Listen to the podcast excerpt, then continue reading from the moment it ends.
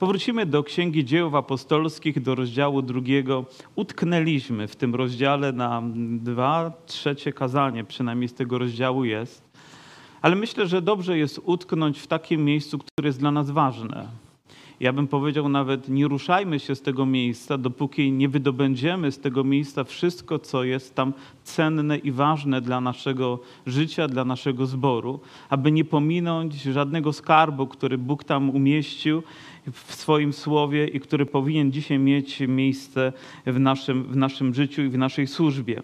Mam nadzieję, że będę też miał dla Was pewną niespodziankę związaną z tym fragmentem. Nie wiem, jak wielu z Was to odkryło. Jeżeli nie, to mam nadzieję, że dzisiaj wspólnie razem to odkryjemy.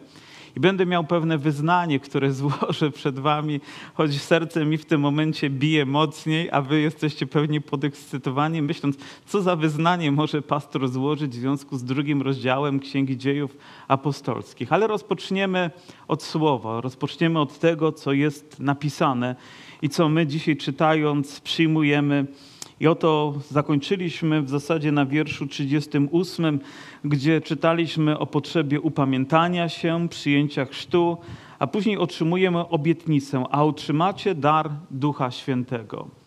I kolejny wiersz rozpoczyna się w ten sposób. Obietnica ta bowiem odnosi się do was i do dzieci waszych oraz do wszystkich, którzy są z dala, ilu ich Pan, Bóg nasz, powoła. Wielu też innymi słowy składał świadectwo i napominał ich, mówiąc: Ratujcie się spośród tego pokolenia przewrotnego. Ci więc, którzy przyjęli słowo Jego, zostali ochrzczeni i pozyskanych zostało owego dnia około trzech tysięcy dusz. Myślę, że gdy czytamy rezultat, jaki przyniósł Bo, przyniosło Boże Słowo, plon, jaki został zebrany, jesteśmy zawsze pełni podziwu, pełni zachęty. Choć szczerze mówiąc, słyszałem o ewangelizacjach, o wydarzeniach, gdzie setki tysięcy słuchały Ewangelię i setki tysięcy ludzi zareagowały nawet w XX wieku na Ewangelię. Setki tysięcy ludzi zostało ochrzczonych Duchem Świętym, a więc jedno możemy wiedzieć i być tego pewni, że to wciąż jest możliwe. Że to nie jest tylko taki jeden incydent w historii Kościoła, który miał miejsce, ale jest to coś, co Bóg niepowtarzalnie chce czynić. Ale rozpoczyna od tego, co jest ważne dla nas, dla Kościoła i dla każdego z nas osobiście. Mówi, obietnica ta bowiem odnosi się i to jest bardzo ładne sprecyzowanie, do kogo się odnosi, dla kogo ma znaczenie. Jako ludzie, którzy czytają Boże Słowo, musimy zrozumieć, czy ten fragment umieszczony gdzieś tam w historii odnosił się tylko do tych ludzi, do tego miejsca, do tego czasu, do tej kultury, czy odnosi się również do nas, do dzisiejszych czasów. I musimy umieć to rozróżnić i wierzę, że Duch Święty daje nam mądrość. I będę miał też taki przykład dla nas, który mówi, czy to się odnosi do nas, czy nie ten fragment dotyczący Ducha Świętego ponad wszelką wątpliwość odnosi się nie tylko wtedy do apostołów, do tych 120 i myślę do tych 3000, o których czytamy później, ale on mówi tak, mówi, odnosi się do was, do dzieci waszych oraz do wszystkich, którzy są z dala, ilu ich Pan, Bóg nasz powoła. I my jesteśmy odpowiedzią na Boże powołanie.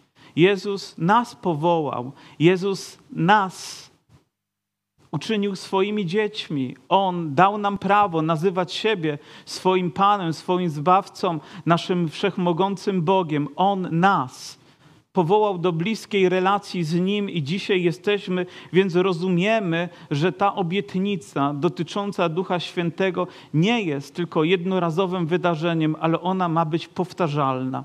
Mówiłem, że utknęliśmy w tym miejscu, dlatego że potrzebujemy doświadczyć te, tej obietnicy, potrzebujemy przyjąć ją.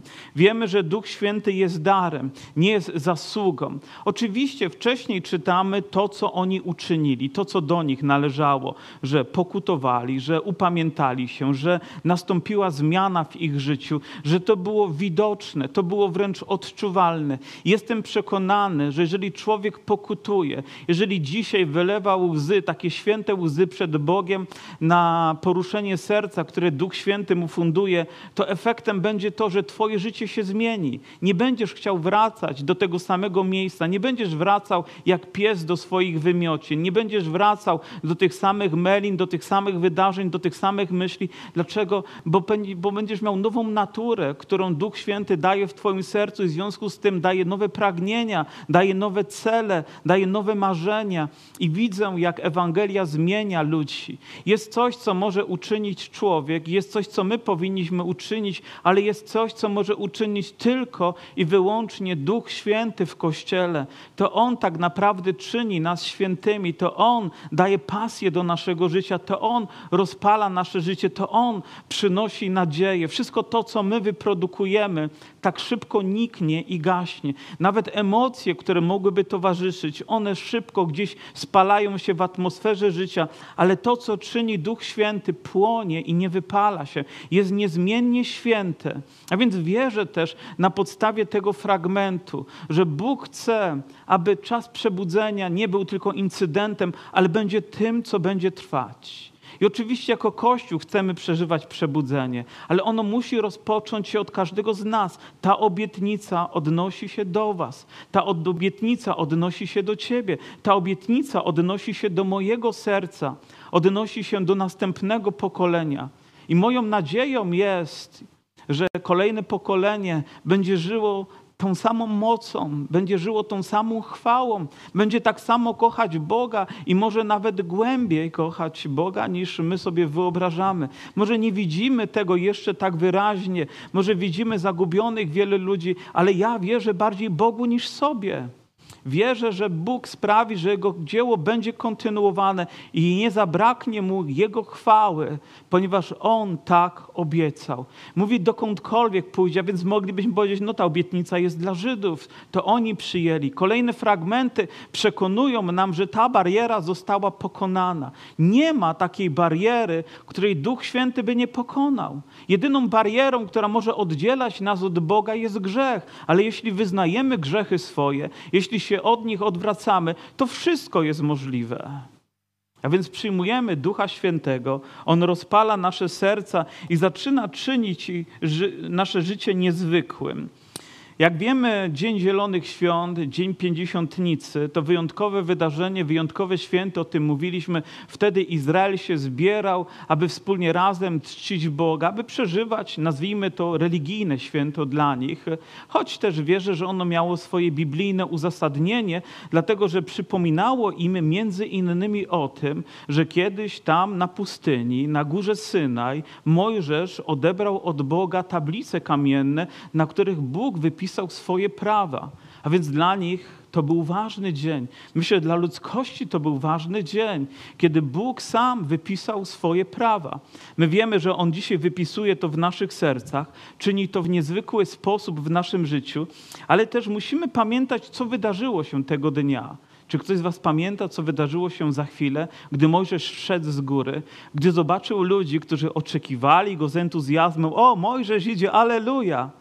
Nie, oni nie oczekiwali, nawet chyba nie patrzyli w tą stronę, ponieważ wpatrzeni byli w to, co sobie sami ulepili ze złota. To był złoty cielec, to było bóstwo. Oni pozdejmowali swoje kolczyki, a więc złożyli ofiarę. Myślę, że to było poświęcenie z ich strony. Później wytopili z tego coś, tak strasznego i mówili: Oto nasz Bóg. Nie ten, który wyprowadził ich z Izraela, ale oto jest nasz Bóg. Czy człowiek może dojść do takiego momentu w swoim życiu, że stworzy sobie Boga i mówi: To jest mój Bóg, to jest mój Pan, Myślę, że najstraszniejszą rzeczą, z którą przychodzi się zmierzyć dzisiaj, to to, że człowiek sam ma dla siebie usprawiedliwienie, sam ma swoje bóstwo, sam ma swoją teologię. Nie tą, która została mu objawiona, nie słowo, które ma żyć w nim, ale to, co człowiek ustanowił, to przed czym się kłania, to, co nabiera w jego życiu szczególnej wartości. I wiemy też, jaka była reakcja Mojżesza na to. Nie ucieszył się na pewno ale też zdarzyło się tak, że przeszli oto pewni ludzie przez cały Izrael, przez, przez ich namioty. I o tym czytamy. Synowie Lewiego uczynili według rozkazu Mojżesza, więc poszli z mieczami i padło w tym dniu około trzech tysięcy mężów. Smutne wydarzenie, prawda?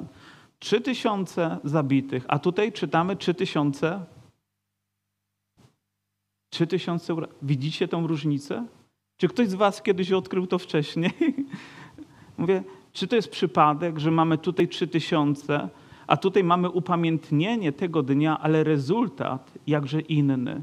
I myślę, że właśnie taką różnicę dokonuje Duch Święty, że On ratuje, On wyzwala, On sprawia, że na naszych, na naszych myślach i w naszym sercu jest to, co ratuje nasze życie, to, co je przemienia, to, co czyni je, je, je niezwykłym. I myślę, że dlatego tak desperacko my wszyscy potrzebujemy Ducha Świętego. Nie chcemy żyć jako Kościół w zawieszeniu pomiędzy w niebo wstąpieniem, kiedy Jezus odszedł, a przed wylaniem Ducha Świętego. Ja chcę żyć w tym eonie Ducha Świętego. Chcę żyć w dziejach apostolskich, które nazywa, nazywane są Ewangelią Ducha Świętego. Chcę żyć w tym okresie. Chcę widzieć Boże działanie w moim sercu. Ja nie, ja nie chcę oglądać dzieła zniszczenia, ale chcę oglądać dzieło życia. Ja nie chcę się opierać na moich możliwościach, ale na tym, co Bóg potrafi uczynić. Nie wiem, jaki byłby rezultat, gdyby jakieś słowa padły z ust Piotra albo kogokolwiek z nich bez wylania Ducha Świętego, ale próbuję sobie to tylko wyobrazić i nazwać to jednym słowem porażka klęska, może nawet wstyd, ale w tym momencie stało się to tak chwalebne i tak niezwykłe. Ten prosty rybak, nauczony przez Jezusa tych wszystkich słów i praw, które gdzieś tam zostały umieszczone, i po wielu trudnościach, przez które przeszedł, ale teraz sparty mocą ducha, wykonuje tak wspaniałe dzieło, które ratuje tak wielu ludzi. Dlaczego? Bo w tym jest Bóg. A my nie chcemy żyć w służbie śmierci, ale chcemy żyć w służbie życia. Nie chcemy widzieć, jak ludzie idą na zatracenie, ale chcemy oglądać, jak ci, którzy szczególnie są bliscy naszemu sercu, jak naród, w którym żyjemy, jest ratowany i to w dziesiątkach, i to w setkach, i to w tysiącach ludzi. Amen?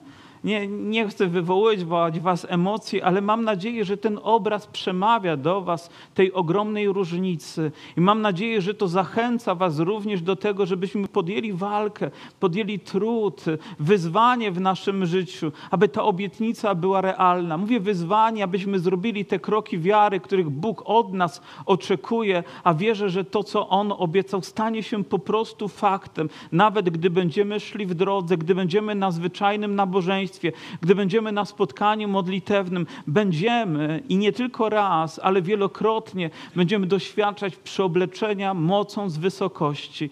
I nie mam nic przeciwko, żeby ktoś dzisiaj został wypełniony Duchem Świętym na tym miejscu, żeby Twoje serce zapaliło się dla Boga jak nigdy wcześniej. Może byłeś gdzieś jakąś zapałką, którą musiałeś chronić, żeby nie zgasła na wietrze, który wieje różnych trosk i problemów, ale stała się ogniem, który płonie i nic nie jest w stanie stanie go ugasić. Aleluja! Niech tak się dzieje. Niech Pan wykonuje dzieła swoje. Ja też chcę powiedzieć, że dla mnie ten, ta liczba 3000 stała się w jakimś okresie mojego życia dość bliska, ponieważ leżąc sobie gdzieś na posłaniu wiele lat temu i nawet przypominałem to, to tutaj w skazalnicy, usłyszałem takie słowa 3000 i dość. I, i, I w zasadzie nawet nie wiem, jak powinienem je interpretować. Mówię, to znaczy, że Panie doprowadzisz nas do takiej liczby, czy do tylu ludzi dotrę z możliwością zwiastowania im Ewangelii? Nie wiem, ale wiem, że jest to możliwe w zasięgu Boga. I powiem Wam, że nie jest to moją ambicją i za chwileczkę jeszcze pogłębię to, gdy pójdziemy, pójdziemy dalej. Ci więc, którzy przyjęli słowo Jego, czyli to, które zwiastował w tym momencie Piotr, to, które pochodziło z jego serca, a które włożył tam Duch Święty, oni przyjęli. Słowo przyjęli nie oznacza, że zaznajomili się z treścią tylko, ale słowo przyjęli oznacza, że oni sprawili, że i to słowo gdzieś zaczęło pracować od ich serca, od tej wewnętrznej strony ich życia. Oni zgodzili się z nim. Dostajemy czasami jakąś umowę i możemy przeczytać, ale gdy złożymy podpis, to znakiem tego, że to, co zostało tam umieszczone, staje się pewnym prawem w naszym życiu. I myślę, że właśnie taki sam efekt miało to, co uczynili ci, którzy słyszeli. Oni nie tylko usłyszeli, ale zgodzili się, przyjęli to słowo. Dzisiaj ktoś słyszy kazanie, ale kto przyjmuje kazanie. Dzisiaj ktoś słyszy poselstwo, ale kto przyjmuje poselstwo. I to może dokonywać ogromnej różnicy w nas. Bóg chce, byśmy przyjmowali Jego słowo. On chce, byśmy nim żyli. A efekt był taki, że zostało ochrzczonych i pozyskanych zostało owego dnia około 3000 dusz. Dlaczego nie 2999, ale 3000? Dlatego, że wszyscy zostali ochrzczeni.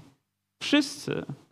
Nikt z nich nie był ponad tym, nikt z nich nawet nie myślał, żeby ominąć to. Było to tak naturalne. Była zwiastowana Ewangelia, ich serca były poruszone, oni przyjęli to, co mówił Piotr i zostali po prostu ochrzczeni. A teraz wierzę, że ich serca były otwarte, by otrzymać to, co Bóg obiecał, tak jak obiecał tym 120 i wypełnił, to tak samo będzie wypełniał w kolejnym pokoleniu. Ale my, gdy myślimy o trzech tysiącach, kogo mamy na myśli? Mamy na myśli mężczyzn i kobiety. Prawda, że tak? Kto z Was tak myślał? Mężczyzn i kobiety. Ale gdybyście poszli dalej wraz ze mną do czwartego rozdziału i wiersza czwartego dziejów apostolskich, to tam czytamy, że liczba mężów wzrosła do pięciu tysięcy. A więc cofając się nieco wcześniej, mam wrażenie, że chodziło w tym momencie o mężczyzn, którzy się nawrócili, co rozumiem też zaowocowało tym, że ich rodziny. A więc ta liczba mogła być zdecydowanie większa. Tak jak podczas nakarmienia, tam gdy Pan Jezus rozdzielał chleb i ryby, to liczba jest określona nie tylko liczbą całych rodzin, ale mężczyzn, którzy byli. Po prostu wtedy tak liczono. I tutaj ta liczba mogła być zdecydowanie większa nawet niż trzy tysiące. Myśleliście kiedyś o tym w ten sposób? Mam nadzieję, że to kolejne odkrycie. Zobaczcie, czytamy tę samą Biblię i możemy odkrywać nowe rzeczy. Ja cieszę się, kiedy takie rzeczy dane mi jest ponownie zobaczyć i cieszyć się nim. Ja nie wiem, czy ta prawda rewolucjonizuje moje życie, ale ta prawda cieszy moje serce, ponieważ jest to Boże Słowo, odkrywam je i mówię, aleluja. Podoba mi się reakcja z książki Krzyż i Sztylet, jak e, Dawid Wilkerson zwiastował Ewangelię gangom i tam był jeden człowiek, który należał do takiego bardzo strasznego gangu i to nie był mm, ten główny ich lider, tylko nazywał się Izrael. Słyszeliście pewnie to. I on dostał pierwszą Biblię w swoim życiu, no jak książkę czytał, zaczął od początku i gdzieś dochodzi do jakiejś strony, mówi, o Izrael, Izrael, Izrael, Izrael, mówi, wszędzie jest moje imię. I mam nadzieję, że podobne rzeczy towarzyszą mnie, gdy czytam Boże Słowo. Mówię, o, co prawda nie ma tam Jarosław, przyjmijmy to do, do ale odkrywam tam siebie, odkrywam tam moje serce, odkrywam tam moje życie. Macie podobnie? Ponieważ to jest żywe, święte Słowo i myślę, że gdy żyjemy nim, to aktualność Jego jest tak realna. Ale zostali oni pozyskanych. Pozyskanych to słowo tutaj jest ładne, bo rozumiem, że gdzieś żyli, a teraz są w kościele, teraz są częścią tej wspólnoty i o tym dalej czytamy. Ale inne słowo, które moglibyśmy użyć i myślę, że jeszcze głębiej by zobrazowało tą prawdę, to uratowani. Jest różnica pomiędzy słowem pozyskani a uratowani. Oni zostali uratowani. Oni zostali wyrwani z piekła, oni zostali wyrwani ze śmierci, oni zostali wyrwani ze szpon. Gdyby żyli dalej, to takie niebezpieczeństwo by im towarzyszyło jak tam. W dniu, kiedy Mojżesz szedł z góry. Dlaczego? Bo każdy, kto tam był, złamał te prawa, które tam zostały zapisane. A zapłatą za grzech jest każdy z nas złamał prawo. A jeżeli jedno złamaliśmy, to podlegamy karze bezwzględnej. Nie ma tutaj ani jednej osoby, która mogłaby uznać swoją sprawiedliwość za wystarczającą. A więc tak naprawdę my wszyscy zasługiwaliśmy na miecz śmierci, a otrzymaliśmy miecz życia. Oto zostaliśmy uratowani. Każdy z nas mieści się w tej liczbie uratowanych, ocalonych, pozyskanych dla Boga, dla Jego chwały. I myślę, że to powinno ekscytować nasze serce. To powinno sprawiać, że każdą pieśń śpiewamy głośniej, każdą modlitwę wypowiadamy jeszcze z większym zaangażowaniem, jeszcze z większym respektem czytamy Boże Słowo i z większą radością przychodzimy na nabożeństwo, bo jesteśmy uratowani. Może tak powinno się między innymi nas określać, bo słowo chrześcijanin, jakby tutaj brat Andrzej mówił, że zdewaluują się niektóre rzeczy i ta nazwa została zdewaluowana Macie takie również odczucie, że mówimy o chrześcijanie, chrześcijanie, chrześcijanie, jakby to było bez znaczenia, jakby to była przynależność tylko do jakiejś opcji, ale nie było w tym życia. Natomiast jeżeli ktoś został uratowany, jest ocalony, nie tylko ozdrowieńcem, ale uratowany, wyrwany z piekła i ma nowe życie, ma powód, by wielbić Boga i my jesteśmy w tej liczbie. I chwała Bogu za każdego z Was. I dziękuję Bogu, że On stanął na Twojej drodze, że On dotknął Twojego serca, że On zbudził w nim wiarę i pragnienie, że Twoje życie Jego mocą jest przemieniane do dnia dzisiejszego. Ten proces się rozpoczął i trwa, i jeszcze będzie trwać, ale Bóg nie odstąpi od Ciebie, nie zrezygnuje, ale dzisiaj możesz się nazywać uratowanym. Około trzech tysięcy dusz. Chciałbym widzieć w naszym mieście trzy tysiące ludzi ewangelicznie wierzących. Chciałbym widzieć. Nie wiem, ile jest dzisiaj obecnie, ile jest takich ludzi, którzy mogą powiedzieć, że są uratowani ponieważ 3000 to byłby dość znaczny, znaczny procent, ale wciąż wydaje się taki niewielki procent, bo nasze miasto liczy około 120 tysięcy mieszkańców, około 120. W całym regionie, gdyby zakreślić taki krąg 50 kilometrów, to nie jest zbyt dużo. Mieszka kilka milionów ludzi. Myślę, że około 4 milionów ludzi, jak nie więcej. Naprawdę ogromny region. I gdyby 10% z tego było ludźmi wierzącymi, to mielibyśmy w naszym regionie 4 miliony ludzi wierzących. W naszym mieście 10% ze 120 byłoby 12 tysięcy. 5% to byłoby 6 tysięcy. A nas może jest tutaj 60 zaledwie. Wygląda na to, że nawet nie jesteśmy procentem. Jedną dziesiątą procenta, dobrze myślę? Czy ktoś z Was jest lepszym matematykiem niż ja? Gdyby był 1%, to byłoby nas 1200 osób. Gdyby było 2%, byłoby 2400. A więc tak naprawdę, gdyby jeszcze przyjąć okolice, to powinno być, gdyby 2% ludzi ewangelicznie wierzących było, byłoby nas około 3000 ludzi. Chwała Bogu. Chciałbym, my modlimy się, Boże, daj 10%, może zacznijmy modlić o 2%. Panie, daj 2% ludzi świadomie wierzących. I kiedyś przeczytałem pewną książkę wierzącego człowieka i on napisał te słowa i chcę wam je przypominać, bo dla mnie one stały się ważne. On powiedział tak, jeżeli 2% ludzi jakiegoś społeczeństwa ma te same wartości i przekonania, są w stanie wpływać na całe społeczeństwo. Jeżeli 2% ludzi wyznaje te same wartości i przekonania, są w stanie wpływać na całe społeczeństwo. A więc gdyby z naszego miasta te 2%. Nie wiem, czy ta liczba tam była 2%, czy to była większa liczba, ale oni byli w stanie wpływać na całe miasto. Ja wiem, że Bóg nawet przez jedną osobę potrafi to uczynić, ale to staje się tak naturalne i tak, e, tak później tak niezwykłe, gdy Bóg zaczyna to rozprzestrzeniać dalej. Ale czytamy o to dalej, jak wyglądało ich życie. I trwali w nauce apostolskiej, i we wspólnocie, i w łamaniu chleba, i w modlitwach. A więc mamy do czynienia z pierwszym kościołem. Te trzy tysiące osób, które nawróciło się, nie poszło sobie gdzieś. Oni nawet mieli takie pragnienie, żeby nie ruszać, ale pozostać, być częścią Kościoła w Jerozolimie. To tak było przenikające ich serce, że nawet nie wyobrażali sobie, że mogą teraz od tak po prostu pójść, ale pozostali. I dalej będziemy czytać, jakie w związku z tym napięcia i trudności zaczęły powstawać, bo to nie tylko duchowo zmieniło ich życie, ale określiło też ich miejsce, przebywanie tam, a to stworzyło pewne takie ludzkie problemy, problemy, które zaczęły się z tym pojawiać, ale trwali.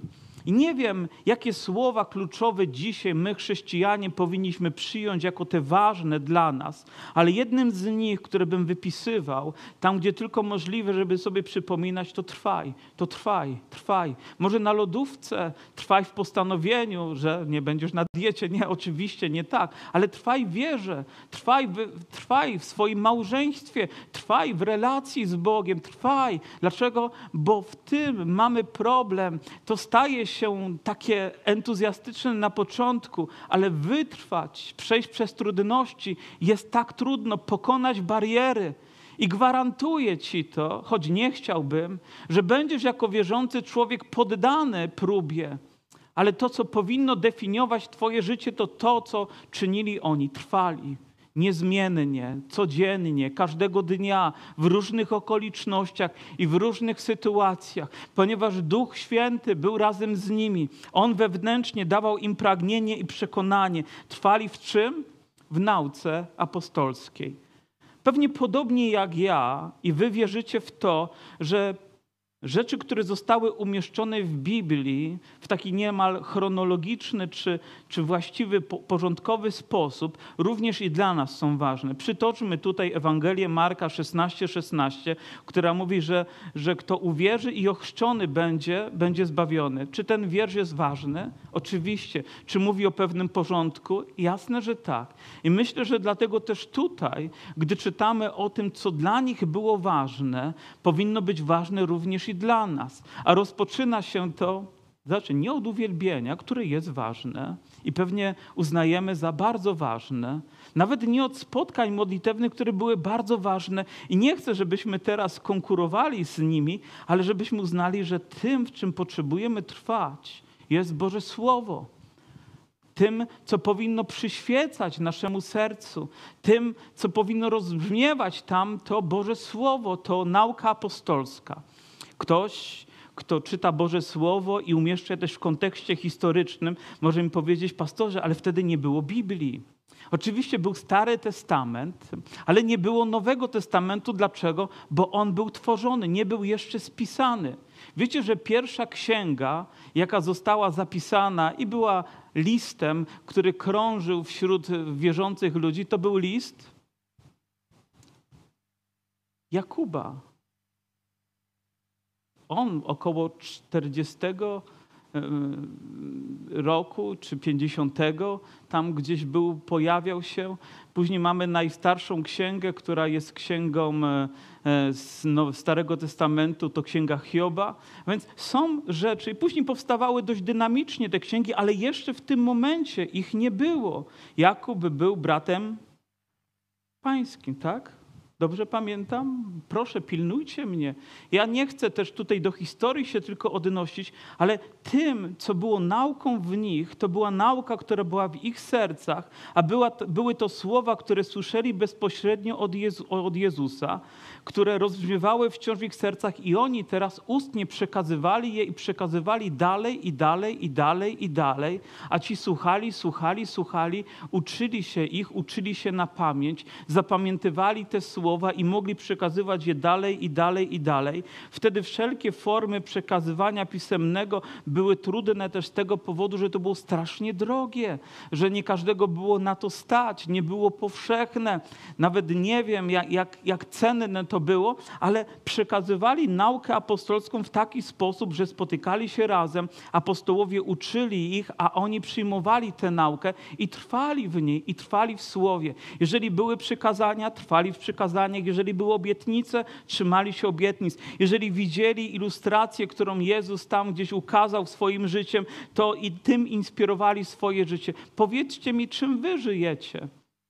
Powiem, Słowo Boże nie może być dodatkiem, nie może być jakimś małym elementem naszego życia, ale musi być fundamentem. A to wiąże się nie tylko z przeczytaniem jednego wiersza. Niektórzy nawet żyją kalendarzem, mają takie kartki z kalendarza i jeden wiersz, Aleluja.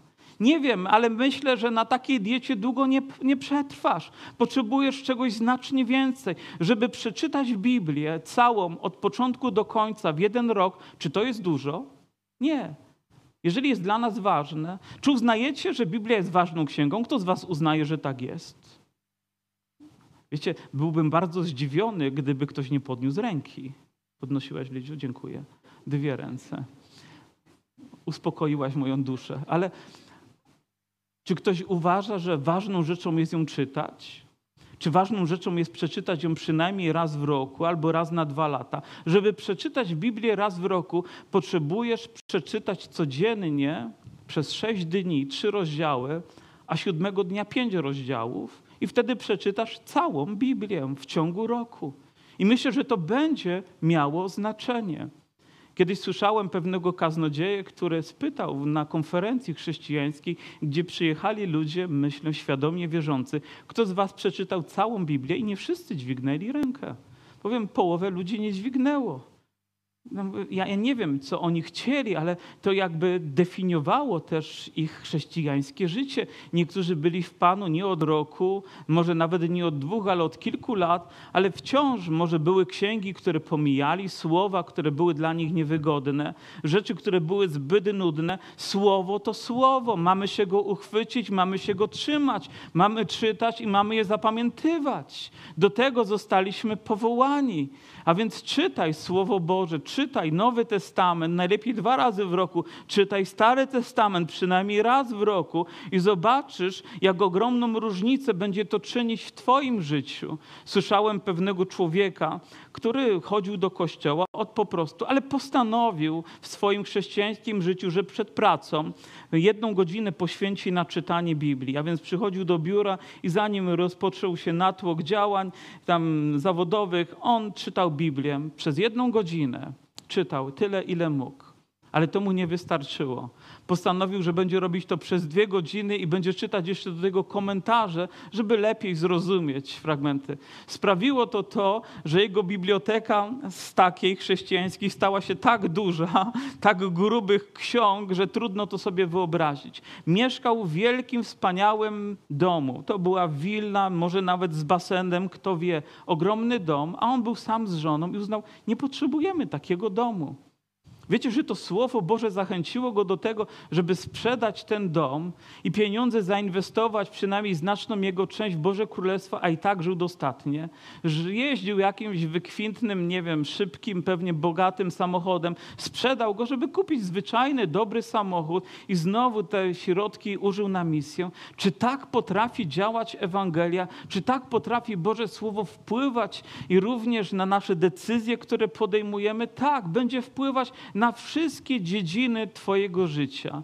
Jeżeli z kimkolwiek rozmawiasz i on mówi o trudnościach, przez które przechodzi jako wierzący człowiek, to może warto zapytać, czy czytasz Biblię? Czy czytasz Boże Słowo? Czy zwłaszcza teraz trwasz w Bożym Słowie? Czy uchwyciłeś się go tak mocno, że nikt nie jest w stanie po ludzku cię od niego oderwać? Czy nosisz je gdzieś w kieszeni w formie Nowego Testamentu, albo masz kilka aplikacji w telefonie i ciągle tam zaglądasz, żeby słuchać to, co Bóg do ciebie mówi? Oni trwali w słowie. My widzimy rezultat, ale widzimy też, do czego, co się rozpoczyna, aby do tego rezultatu doprowadzić. A więc gdybyśmy stworzyli jakieś matematyczne równanie, że to i to, i to, i to daje taki efekt, to gdybyśmy jeden z tych elementów pomniejszyli albo któryś pominęli, to jakiego efektu możemy się spodziewać? Co będzie rezultatem? Czy będzie przebudzenie, czy będzie ożywienie, czy będzie świętość naszego życia, czy będą zmieniać się wartości w nas? Nie, bo coś gdzieś zostało umniejszone, coś zostało za, za, zapomniane, a później mówimy: O Boże, dlaczego mam ten problem? Może wróć do tego, w czym powinieneś trwać i do czego zostałeś jako człowiek wierzący powołany. Dziękuj Bogu za to, że byli ludzie, którzy przełożyli Nowy Testament, za to, że mieli tą zdolność, byśmy my mogli dzisiaj czytać. Kto z Was ostatnio dziękował za tych wszystkich braci, którzy tłumaczyli? Lata poświęcili, życie swoje poświęcili, być może przyjemności poświęcili, by badać, by zrozumieć, by przełożyć dla nas, byśmy my mogli się cieszyć. Jeżeli nawet tego nie robimy, to jakbyśmy niewdzięczni byli za to. Po prostu bierzemy bezkrytycznie, ale ktoś włożył w to serce, ktoś dał swoje obdarowanie, grupa ludzi się zebrała i sprawili, że to słowo dzisiaj jest dla nas. Ten kształt, który jest, jest wystarczający. Mamy księgi Starego i Nowego Testamentu. Oczywiście Stary Testament nieco się różni od wydania katolickiego, od naszego, że nie ma tam ksiąg apokryficznych, tak jak my je nazywamy. Dlaczego? Jednym z powodów, dla których tak jest, chcecie wiedzieć, jaki to jest powód? Kto z Was chciałby wiedzieć? Jaki to jest powód? Jeden z ważnych powodów to jest to, że żadnej w tej księdze nie ma tego zwrotu. Tak mówi Pan. Tak mówi Pan. A cała ta księga mówi, tak mówi Pan. I też inne powody, oczywiście jeszcze więcej ich jest. Nie będę teraz tutaj e, w tym się zagłębiać, ale chciałbym zwrócić na nowo naszą optykę i nasze serce, jak ważne jest trwać w nauce. Kiedyś słyszałem pewnego pastora, który pojechał na nabożeństwo. Fajne nabożeństwo. Oni mieli 45 godzin uwielbienia. Chwała Bogu, że mają tyle uwielbienia, a jemu dali 10 minut kazania. Nie wiem, o czym to świadczy. Myślę o pewnych standardach, które przyjęli, ale ja wierzę, że powinna być równowaga że musimy czytać Boże Słowo, a to wymaga czasu. To nie jest tylko tak, że przed biegiem w całe życie Twoje o poranku sięgniesz po Biblię i tak trochę homeopatycznie weźmiesz słowa, a później biegniesz dalej. Nie masz czasu na refleksję, nie masz czasu, żeby pomodlić się tym słowem, żeby utrwalić je w swoim życiu. Moja żona pewnie będzie tego świadkiem, ale powiem prawdę, ja lubię czytać w łóżku Boże Słowo rano i ciężko mi jest wyjść z tego miejsca. Naprawdę jest mi ciężko, ponieważ kiedy już utknę, to chcę czytać i czytać i czytać i czytać i później powracać, powracać i powracać i później jeszcze parę innych książek przeczytać o tym, co czytałem. Po co? Ponieważ tak ważne jest dla mnie Boże Słowo. A teraz jest ważniejsze niż kiedykolwiek wcześniej. Niedawno rozmawiałem z jednym z braci i to była fajna rozmowa, który kroczy za Panem wiele lat i mówi, no naumiałem się w moim życiu trochę rzeczy. To znaczy, że dowiedział się trochę rzeczy o chrześcijańskim życiu. Mówię, no i co? Mówi, no i tak inaczej jest. Ja rozumiem tego brata, że jest w takim etapie, na którym ja byłem. Miałem wiedzę, ale moje serce było takie zastygnięte w tym momencie. Nie było zgaszone, ale po prostu było jak lampa gdzieś tam pod korcem, że paliło się, ale nie świeciło całym swoim blaskiem. Ktoś z Was przeżywał takie chwile w swoim życiu? Myślę, że każdy z nas. A dzisiaj postanowiłem tak, że wiedzę mam większą niż kiedykolwiek wcześniej. I dlatego mój zapał dla Boga powinien być większy niż kiedykolwiek wcześniej. Ponieważ tak ważne jest dla mnie Boże Słowo. Wzrastając w Słowie, wzrastasz w Bogu, wzrastasz w Jego poznaniu i wzrastasz tym, do czego zostałeś powołany. A więc wzrastaj niezmiennie każdego dnia My nazywamy się ewangelicznymi ludźmi. Dlaczego? Bo Ewangelia jest tym, co powinna nam przyświecać. Powinniśmy być nazwani biblijnymi ludźmi, bo Biblia jest tym, co powinno nam przyświecać. Amen? A więc jest to dla nas ważne. Dzisiaj, i to składam moją deklarację, którą obiecałem, że Wam złożę, ambicją moją nie jest, aby nasz Kościół był największy w mieście, ale był najbardziej wierny Biblii jak to możemy sobie wyobrazić.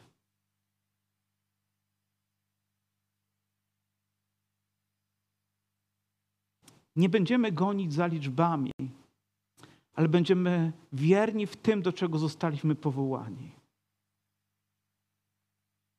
A zostaliśmy powołani, by trwać w Bożym Słowie.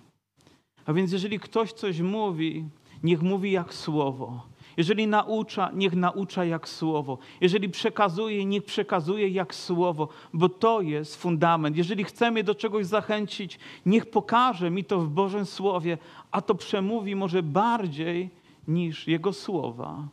A więc to, na co ja chcę zwrócić uwagę, to na tę księgę która została nam dana i której możemy się uchwycić. Myślę, że jest jedną z herezji, która powstaje i szerzy się i która rozpoczyna się takimi, takimi niewinnymi stwierdzeniami, a tam Biblia, bo my mamy swoje doświadczenia, swoje przeżycia, my wiemy, co, co, wiemy. Nie, jeżeli ktoś z liderów, ktoś z pastorów, ktoś z przywódców umniejsza Bożemu Słowu, to nie tylko żółta, ale czerwona lampka powinna ci się zapalić.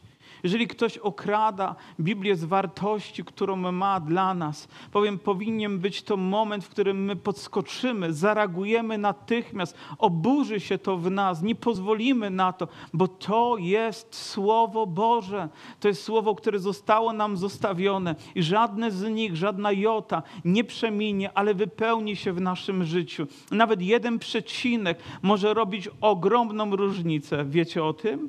Że jeden przecinek postawiony w Biblii w niewłaściwym miejscu może zmienić wartość teologii, którą wyznajemy? Czy ktoś z Was doszedł do tego? Ja Wam powiem o takim fragmencie, bo nie wszyscy, jak widzę, to łapiecie. Pan Jezus, gdy był na krzyżu obok Obok niego był ukrzyżowany złoczyńca, któremu powiedział tak: Zaprawdę powiadam ci, dziś będziesz ze mną w raju. Wiecie, że znaczenie ma to, gdzie jest umieszczony przecinek w tym fragmencie? Może powiedzieć: Zaprawdę powiadam ci dziś, przecinek, będziesz ze mną w raju. Prawda, że to może mieć znaczenie? Zaprawdę powiadam ci, ci będziesz, zaprawdę powiadam ci, dziś będziesz ze mną w raju. Mówię, ten przecinek, w zależności od tego, w którym momencie zostanie postawiony, może zmienić to, w co my wierzymy, w to, co Jezus przygotował dla nas. Ale ciekawą rzeczą jest to, że w Grece nie ma interpunkcji. Że to my postawiliśmy ten przecinek, że to my potrafimy wypaczyć Boże Słowo, my potrafimy zmienić Jego, Jego wartość ale my musimy wiedzieć, że to, co zostało tam napisane, jest potwierdzone w innych fragmentach. Ale idźmy dalej, ponieważ mam jeszcze trochę rzeczy, które chciałbym powiedzieć. Kolejną rzeczą to jest we wspólnocie, w społeczności, razem. Słowo we ma wielką moc, że to jest integralna część naszego życia, społeczność, Kościół. To jest tak ważne miejsce, że nie powinniśmy sobie wyobrażać naszego funkcjonowania bez niego, bycia częścią danej wspólnoty. Popełniłem kilka błędów w moim życiu. Popełniłem je w ten sposób, że gdzieś ktoś przyszedł, chce być ochrzczony, ale nie chce być w kościele. Powiem, nie znam takiego zagadnienia, nie znam takiego sformułowania. Gdzieś tam może w jakiś sposób. Nie, Słowo Boże wyraźnie tutaj określiło ich przynależność i ich trwanie w społeczności. Jedną z pierwszych rzeczy, którą diabeł też będzie kwestionował w Twoim życiu, to potrzebę bycia w kościele.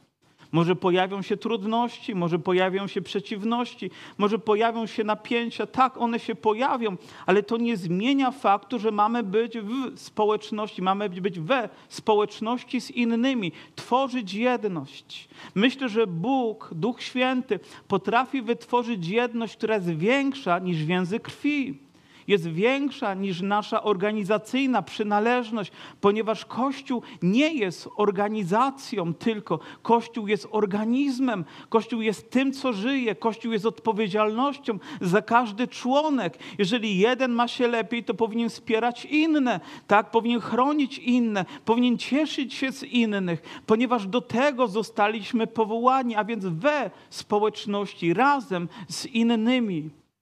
I myślę, że dzisiaj, zwłaszcza dzisiaj, ta rzecz jest weryfikowana w naszym życiu. Jak bardzo jesteśmy integralni ze zborem, jakie rzeczy mogą nas od niego oddzielić, jakie rzeczy wystraszą nas i już nas nie ma. Kiedyś słyszałem pewną historię, nie wiem na ile ona była prawdziwa, nie wiem na ile ona była biblijna, ale pewna kobieta, która była w, w kościele od, od wielu lat, była też w zborze. I oto młodzi ludzie, którzy tam byli w szkole biblijnej, bo w tym budynku była szkoła biblijna i zbór, po prostu bawili się, nie wiem tam, jak to młodzi ludzie szaleli i przebra, przebrali się też za, za diabły i biegali po budynku. Jeden z nich niechcący wpadł na nabożeństwo. I po prostu gdzieś tam drzwi były na froncie, więc wszyscy go zobaczyli i zaczęli uciekać. I została tylko ta jedna kobieta i tak patrzę na niego i tak długo na ciebie czekałam.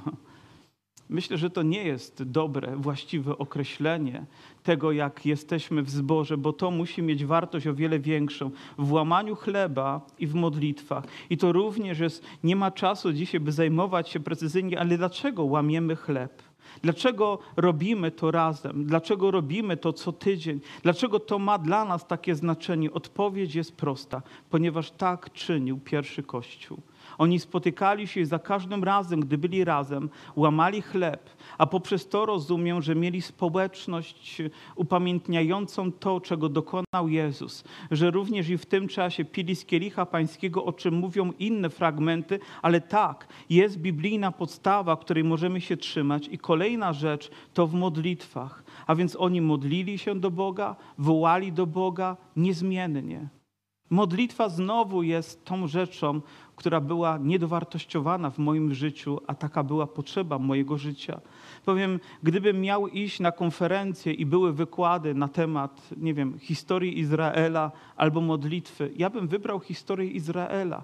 Bardziej chciałem się uczyć. To nie znaczy, że jeden wykład był lepszy od drugiego, ale chcę Wam powiedzieć, że w tym momencie gdzieś modlitwę traktowałem jako pewien dodatek. O, potrzebuję się pomodlić przed czytaniem Biblii, o, potrzebuję się pomodlić w trakcie nabożeństwa krótko, o, potrzebuję się pomodlić przed posiłkiem i może przy jakiejś okazji. Była to trochę jak broszka, którą nosiłem, ale nie była czymś, co rozpalało moje serce. Traktowałem bardzo tak pobieżnie modlitwę. Nie wiedziałem, jak wielką wartość ma. Aż Bóg to zmienił. Ukazał mi, jak ważna jest modlitwa, jak ważna jest modlitwa z innymi wierzącymi, jak ważna jest modlitwa tutaj, na tym miejscu, jak ważna jest modlitwa, gdy się razem spotykamy. Mam pewien przykład. Wiele lat temu byłem w zborze, gdzie poproszono mnie, żebym w jakimś dniu tygodnia podzielił się Bożym Słowem i Duch Święty położył mi też to, żeby zachęcić tych ludzi do spotkań modlitewnych. Nie mieli spotkań modlitewnych jako zbór, ukazując też przykład i z życia mojego i zboru, że te spotkania są ważne, że czasami przechodzą przez trudności, ale są ważne. Powiedzcie mi, kto z was przychodzi regularnie na spotkania modlitewne? Nie dlatego, że chcę, żebyście inni powiedzieli się czuli źle z tego powodu, choć kto wie, może tak powinno być, ale kto z Was na spotkaniu modlitewnym odebrał coś wyjątkowego dla swojego życia, chociaż raz, podczas wszystkich tych spotkań? Kto z Was? Myślę, że wszyscy, którzy regularnie chodzą, właśnie to odebrali. Czasami potrzebujesz słowa, a pozbawiasz Boga możliwości, by to słowo w szczególnej atmosferze zadziałało w Twoim życiu. Modlisz się, gdy przychodzi kryzys, modlisz się, gdy przychodzi potrzeba, wołasz do Boga, ponieważ jakaś sytuacja wytworzyła się w Twoim życiu, ale Ty trwaj w modlitwie. Ty postanów, że będziesz człowiekiem modlitwy i realizuj ten plan w swoim życiu. Zaangażuj się w życie modlitewne z innymi wierzącymi ludźmi, nie tylko na swoim osobistym poziomie, ponieważ to będzie uczyć Twoje życie również, jak powinno wyglądać spotkanie modlitewne, Twoje życie modlitewne z Bogiem. Bóg wtedy będzie w szczególny sposób też dotykać Twojego życia i więcej Ci powie, niż możesz sobie to wyobrazić. Jeżeli zaniechałeś to, to rozpocznij. Jeżeli nigdy nie rozpocząłeś, to właśnie jest czas, by rozpocząć. Ktoś kiedyś powiedział takie zdanie i zastanawiam się, ilu z Was się zgodzi. Powiedział to do mnie i powiedział, mam nadzieję, w dobrej wierze. I powiedział to w czasie, gdy musiałem spuścić głowę. Powiedział, mówi, tylu masz członków w zborze, ilu masz na spotkaniu modlitewnym. Ponieważ gdy ja czytam ten fragment i czytam, że trwali w modlitwie, że było wydarzenie, to myślę, że nie zabrakło nikogo z nich. Wy również macie takie przekonanie. A więc kluczem do tego jest trwać. Kluczem jest zaangażować się ponieważ rezultat później może być zupełnie inny niż ten, którego się spodziewałeś. Twoje chrześcijańskie życie będzie bardzo marne, jeżeli nie rozbudzisz w sobie ducha modlitwy, jeżeli nie pozwolisz Duchowi Świętemu, by rozpalił Twoje, twoje serce i usta do wysławiania Go. I prawdopodobnie mógłbym jeszcze mówić na temat tego fragmentu i dalej trochę rzeczy. I nie wiem, czy nie przejdziemy do piątej części drugiego rozdziału. Utknęliśmy, ale uznaję, że to jest bardzo ważne. Dzisiaj mam słowo do Was, do kogoś z Was. Jedność, która została zburzona, jedność, która została podważona, jedność, która zeszła na boczny plan, jedność z Kościołem, jedność ze zborem jedność z grupą wierzących. Nie oto tu, oto tam, ale tutaj.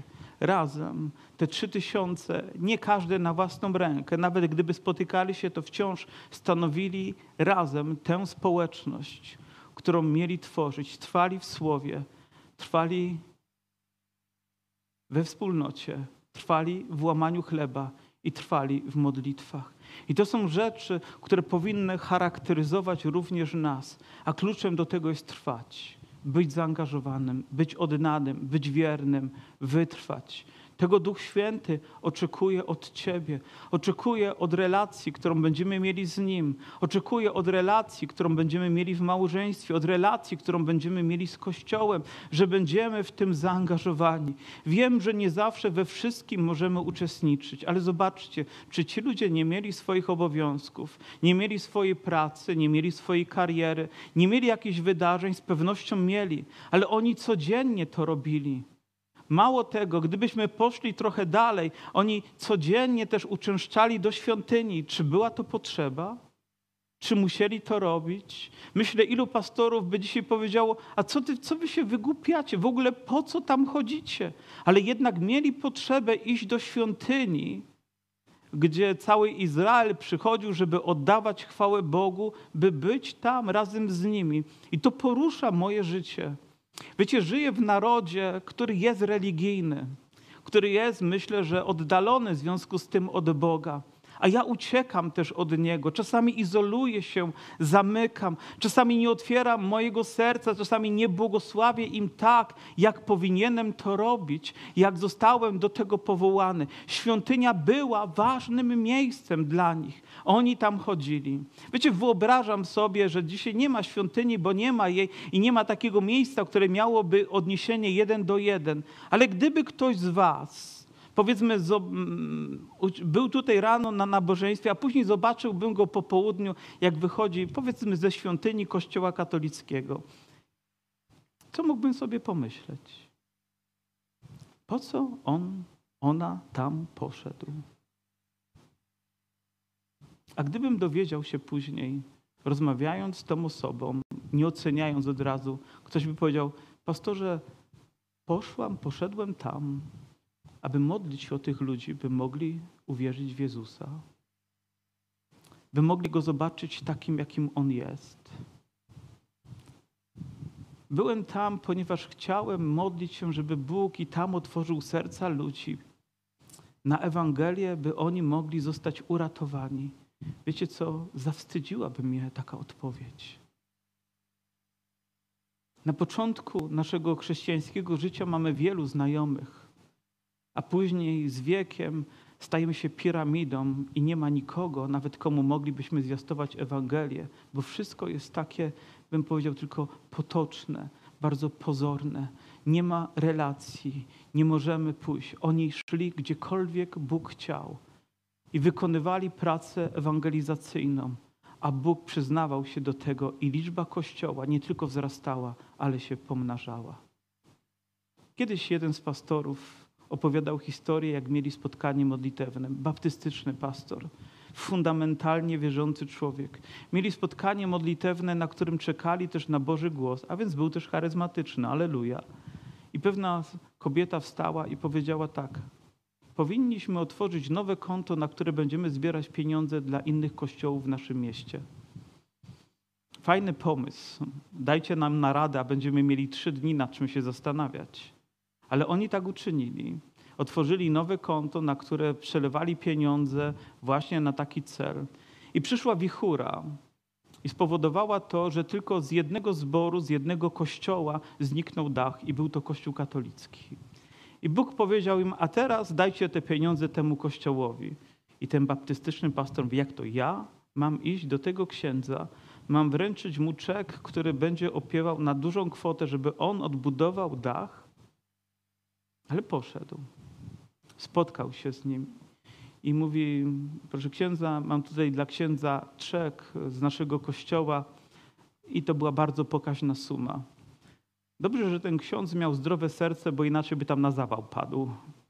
Mówi: Chyba jesteś pierwszym pastorem kościoła baptystycznego w historii, który dał na budowę świątyni katolickiej tak pokaźną sumę. I wiecie, co powiedział ten ksiądz? Mówi, czy wy jesteście zborem biblijnym? Przynajmniej tak was określają. Powiedział, tak, jesteśmy zborem biblijnym. Mówi, my nie zwiastujemy Biblii. Czy moglibyście przysłać ludzi z waszego kościoła, którzy nauczą nas Biblii? I mówi, wtedy mówi, dobrze, że ja miałem zdrowe serce, bo bym padł na zawał. Ale chcę was tylko jakby uświadomić i siebie również, że powinniśmy być otwarci na to, co Bóg chce czynić, bo Jego plany są większe niż nasze. Jego dzieła są większe i nasze. Prowadzenie Ducha Świętego jest większe niż nasze. I dopóki z takiej skorupy my nie wyjdziemy, dopóki nie powrócimy do tego, co czynił i jak też czynił pierwszy Kościół, to, co było dla nich ważne, będziemy wciąż w tym samym miejscu za tydzień, za miesiąc, za rok, z tymi samymi problemami i troskami, bez rozwoju, bez dynamiki i bez przemiany. Ale ja chcę, żeby było inaczej. Ja chcę, żeby Kościół w Dąbrowie Górniczej wzrastał, żeby moje siostry i moi bracia dorastali w swojej wierze do tego, jak Bóg ich powołał, jak Bóg chce ich uczynić, jak Bóg chce ich błogosławić, aby mogli być wyposażeni też przez nas, pobłogosławieni i iść i wykonywać to. Ja wiem, Pan czynił tam wiele znaków i cudów, ale dlaczego widzę, że oni byli wierni? Widzę, że, by, że, by, że byli oddani i myślę, że nie zabrakło zabraknie nam ani znaków, ani cudów Bożego działania, gdy zachowamy standardy Bożego Królestwa, a Bóg będzie się do niej przyznawał i będzie jej potwierdzał w taki sposób, że sami zostaniemy zadziwieni i On odbierze sobie z tego należną chwałę. Amen? Amen. Powstańmy.